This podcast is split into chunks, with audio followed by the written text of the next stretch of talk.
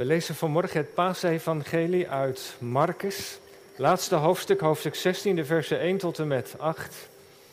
Het is het oudste evangelie dat we hebben van de vier. meest beknopte evangelie ook. Vermoedelijk is dat het getuigenis van de apostel Petrus opgeschreven. Marcus, Marcus 16, 1 tot en met 8.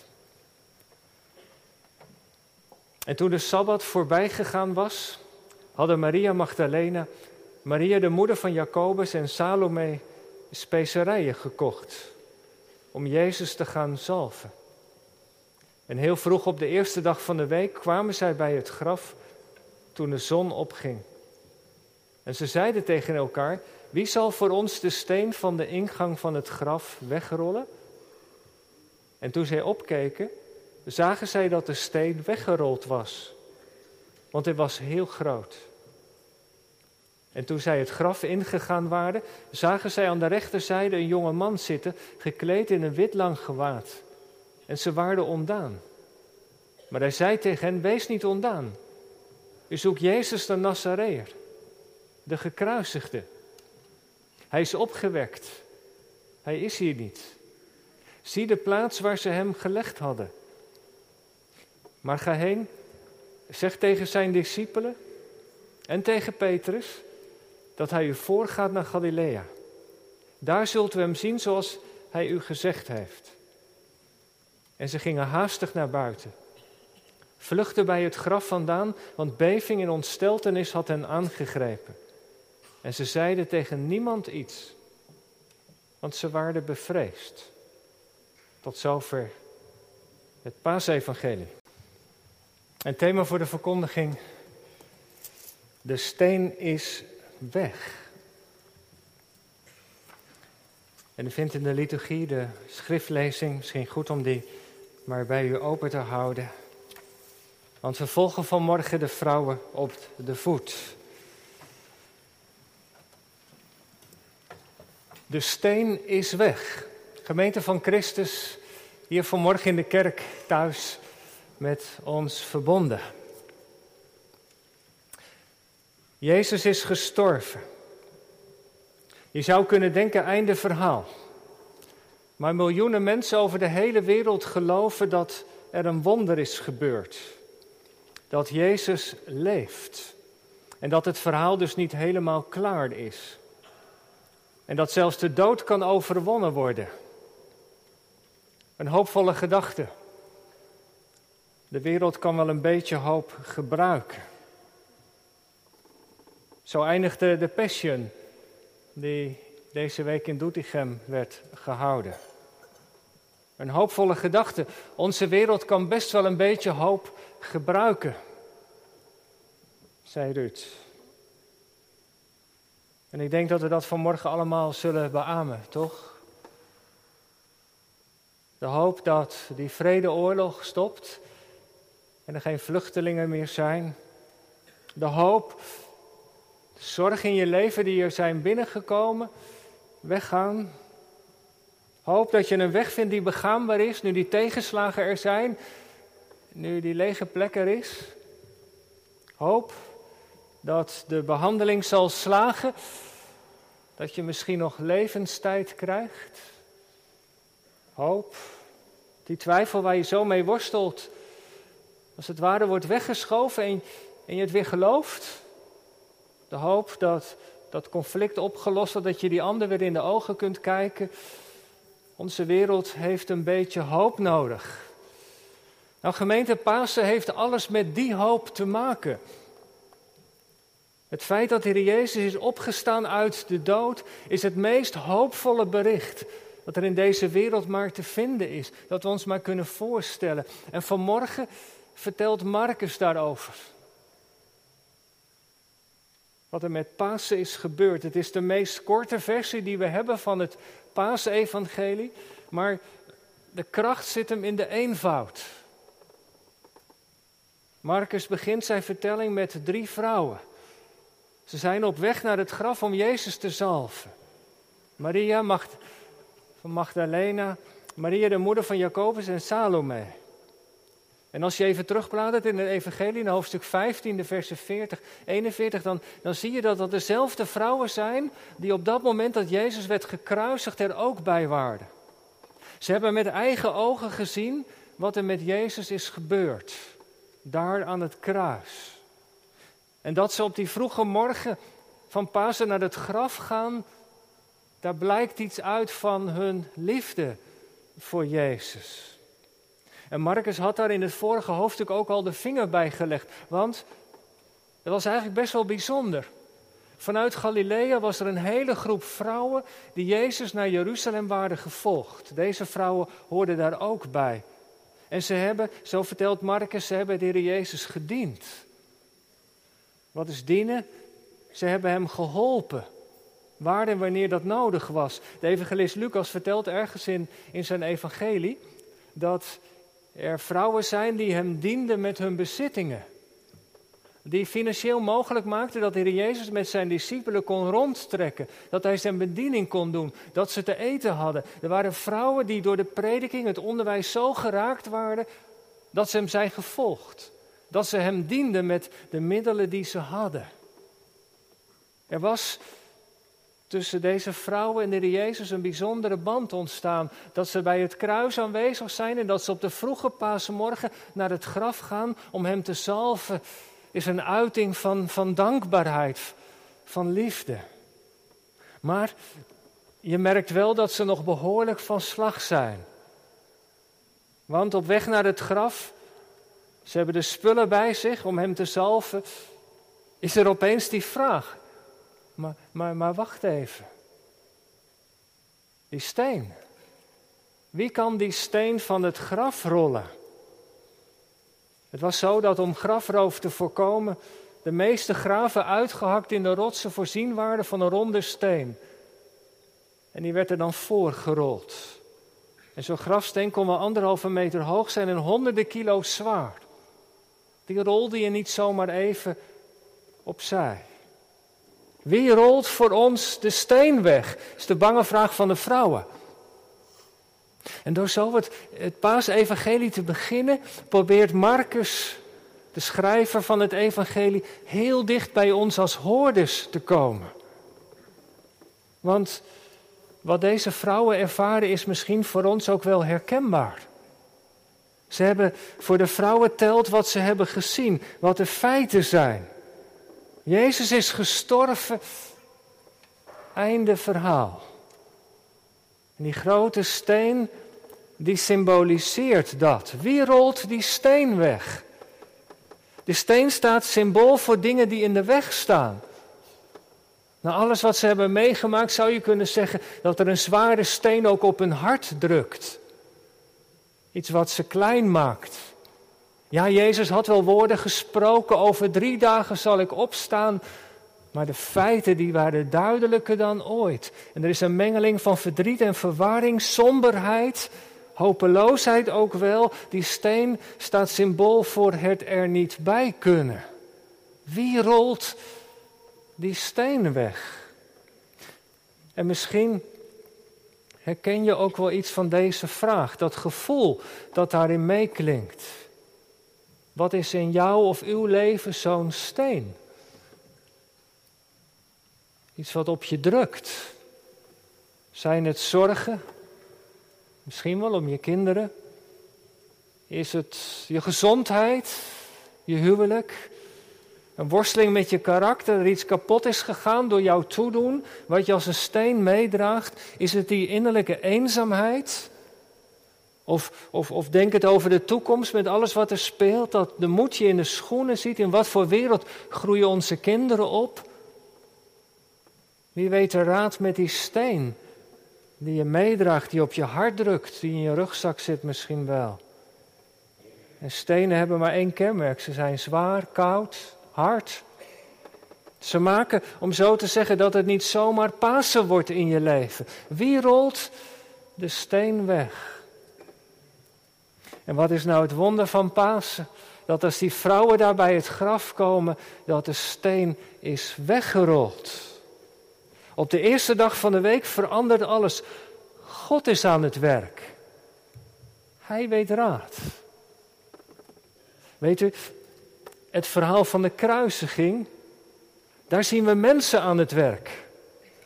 Pilatus die krampachtig probeert te voorkomen dat Jezus wordt gedood. De geestelijke leiders die besluiten dat Jezus moet sterven. Er zijn mensen die roepen, kruisigt hem. Er zijn de soldaten die Jezus aan het kruis nagelen. Er zijn mensen die zich later over het lichaam van Jezus ontfermen. Iedereen is op zijn of haar manier druk in de weer met een levende of een dode Jezus. Maar op de paasmorgen worden mensen volledig buiten spel gezet. Op Pasen, en dat is het evangelie, neemt God het van mensen over. De vroege paasmorgen wekt God Jezus op uit de dood. Het graf is leeg. En de dood, ja, dat is een beladen begrip in de Bijbel. De dood moet Jezus lof, loslaten. Terug in het paradijs, de dood, dat was de straf op de zonde. Maar de dood heeft geen been om op te staan, die moet Jezus loslaten, want hij heeft zijn heilswerk volbracht. Hij heeft aan het kruis verzoening gedaan, nu is het weg. Het is goed. En de dood heeft niks meer om te doen. Hij moet Jezus loslaten. En dat gebeurt op de vroege paasmorgen. De vader roept tot de zoon, sta op. En Jezus staat op.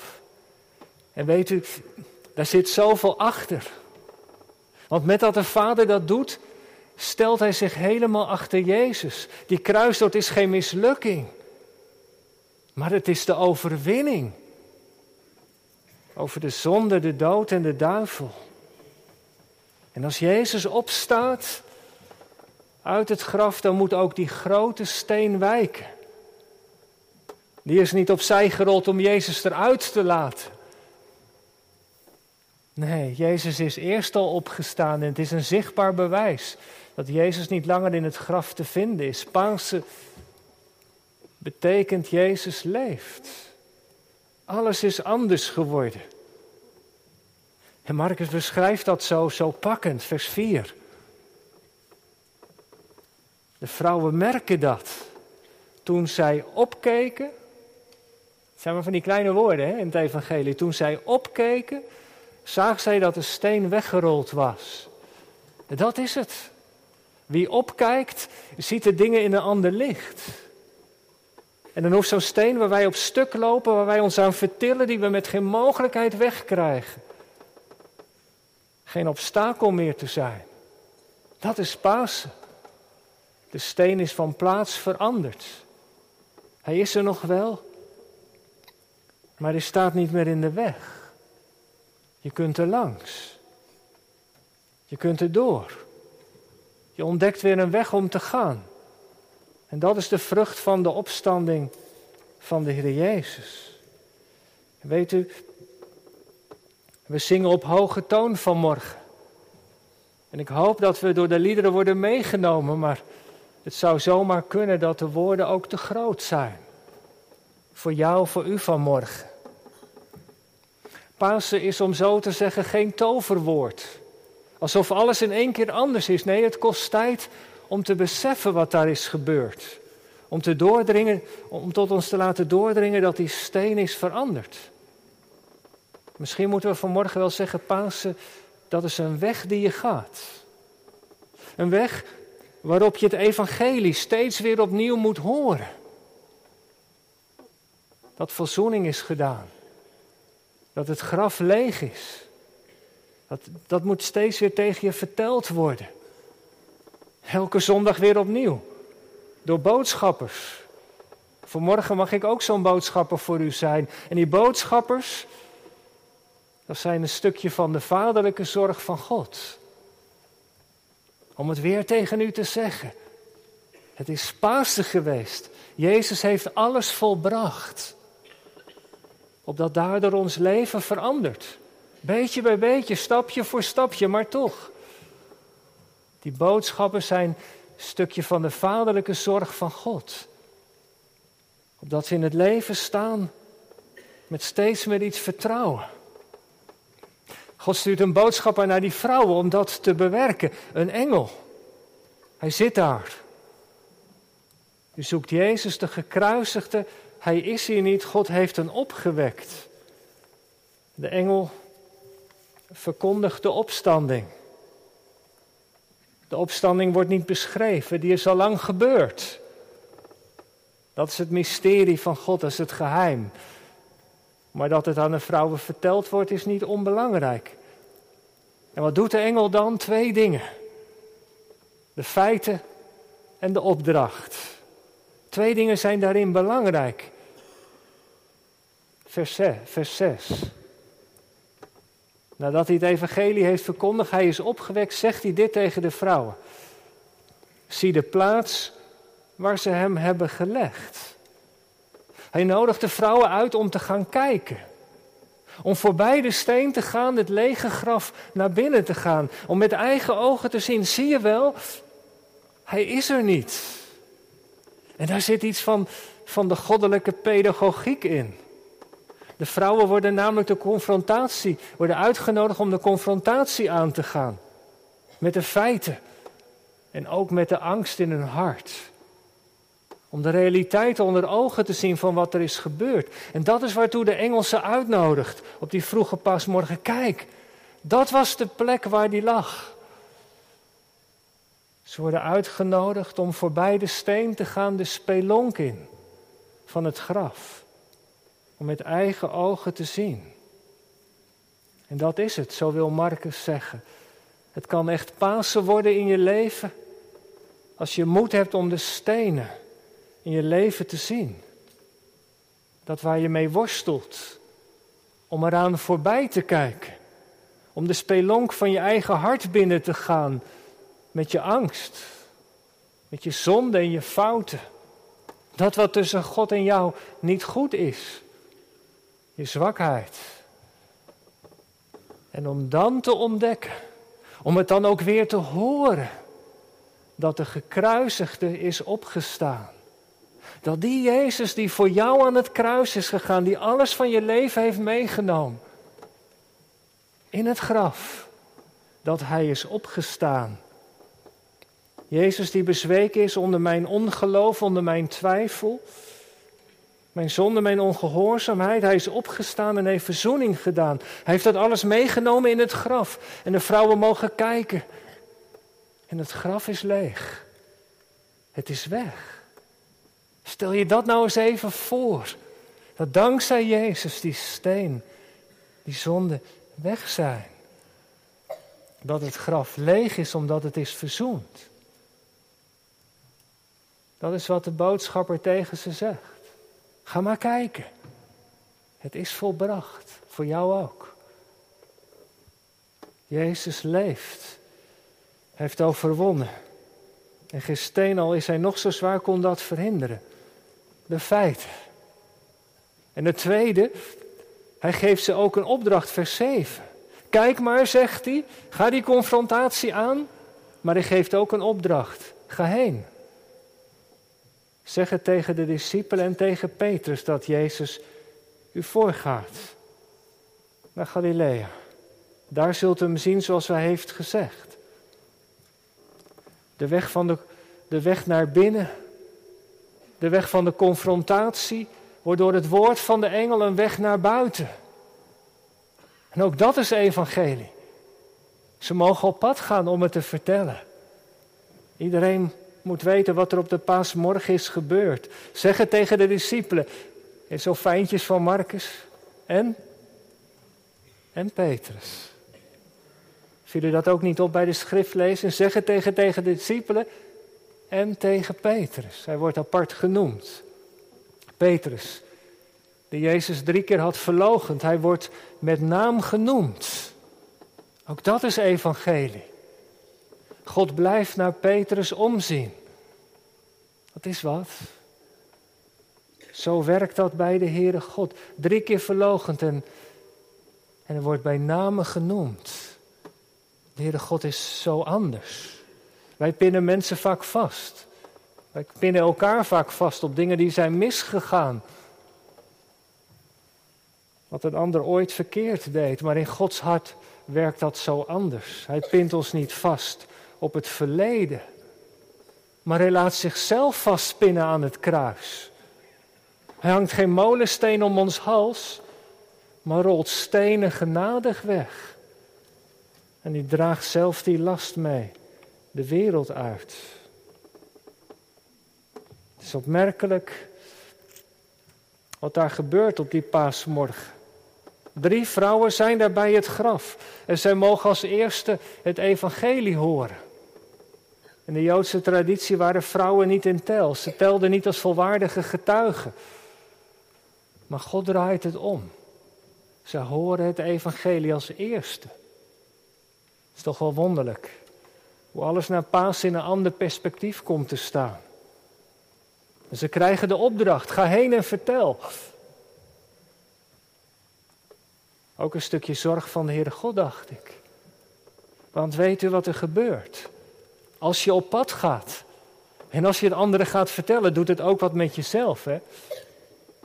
Dat weten velen van jullie natuurlijk nog beter dan ik. Als je les geeft en je moet dingen gaan uitleggen, dan leer je zelf ook zoveel van, toch? Door ermee bezig te zijn, door erover te vertellen, gaat het ook voor jezelf meer leven. En dat is het. De engel stuurt de vrouwen op pad. En al gaandeweg, eerst zeggen ze nog tegen niemand iets, maar al gaandeweg dringt het ook in hun hart door. Hij leeft. En wat is de boodschap die ze meekrijgen? Ga heen zeggen tegen de discipelen. Ja, ook zo wonderlijk. Hij gaat u voor naar Galilea. Daar zal hij u, daar zult u hem zien. Pasen, Jezus is geen verleden tijd. Hij leeft. Hij maakt een afspraak met ze. Daar in Galilea. Galilea. Dat is de plek waarvan de mensen zeiden: kan daar iets goeds vandaan komen? Galilea van de heidenen. Daar is een missie begonnen, daar roept Jezus ze naar terug. Met andere woorden, die boodschap van Pasen, die mag niet in Jeruzalem blijven, die mag niet in de kerk blijven, maar die moet naar die Galilea-plekken toe. Daar. Daar zie ik iemand lopen, daar zit iemand thuis. Oh, wat drukt die steen zwaar op zijn hart, op haar leven. Steen van, van het verleden, van de dingen die zijn misgegaan. Van zonde, van kwaad, van ellende. Daar waar de boodschap van het evangelie zo nodig is. Daar moet die boodschap komen. die boodschap is dus dat Jezus verzoening heeft gedaan. Dat Hij de dood heeft overwonnen en dat een nieuw begin mogelijk is. In Galilea mag het evangelie klinken. Ga heen. De vrouwen gaan op pad. Ze keren terug naar, naar de discipelen. Maar wat vertelt Marcus nog? Ze gaan met haast, vers 8. Ze vluchten. Ze zijn bevreesd. Dat is nog eens wat. Ze zijn nog niet toe aan de paasjubel. Het heeft nog tijd nodig om het te landen. Maar weet ik vind dat eigenlijk wel zo bemoedigend. Dat Marcus daar even de vinger bij legt. Dat ze het doen met vrees en beven. Wij zijn geroepen om het evangelie door te geven. Maar we merken soms bij onszelf schroom. Dat we de woorden niet vinden, dat we het niet doen, niet durven. Met vallen en opstaan. In die zin zijn wij niet veel anders dan deze vrouwen. Maar ze zijn toch maar op pad gegaan in gehoorzaamheid aan het woord van Jezus. En ze hebben het tegen de discipelen verteld. En ook tegen Petrus. Je bent niet afgeschreven. Jezus leeft. Hij ziet naar je om. Nou gemeente, dat wordt ons verkondigd vanmorgen. Dat de Heer Jezus leeft. Dat hij het goed heeft gemaakt tussen God en ons. En dat mogen we geloven. En ik bid en ik hoop dat u en jij dat ook doet. Dat we onze handen naar deze Jezus zullen uitstrekken. Dat wij, misschien is dat nog het beste wat je kunt doen, ook al heb je vragen. Maar dat je het woord van de engel laat aansporen om op pad te gaan. En al gaandeweg zul je steeds meer ontdekken wat het betekent dat de Heer Jezus leeft. Pasen is geen toverwoord, maar een weg om te gaan. Een weg misschien wel met stenen. Maar op die weg is de Heer Jezus ons voorgegaan. Bange vrouwen, twijfelende discipelen. Ze zijn op pad gegaan. Alle eeuwen door. Maar ze deden het in het vertrouwen dat Jezus leeft en naar hen heeft omgezien. En wij zijn vandaag aan de beurt.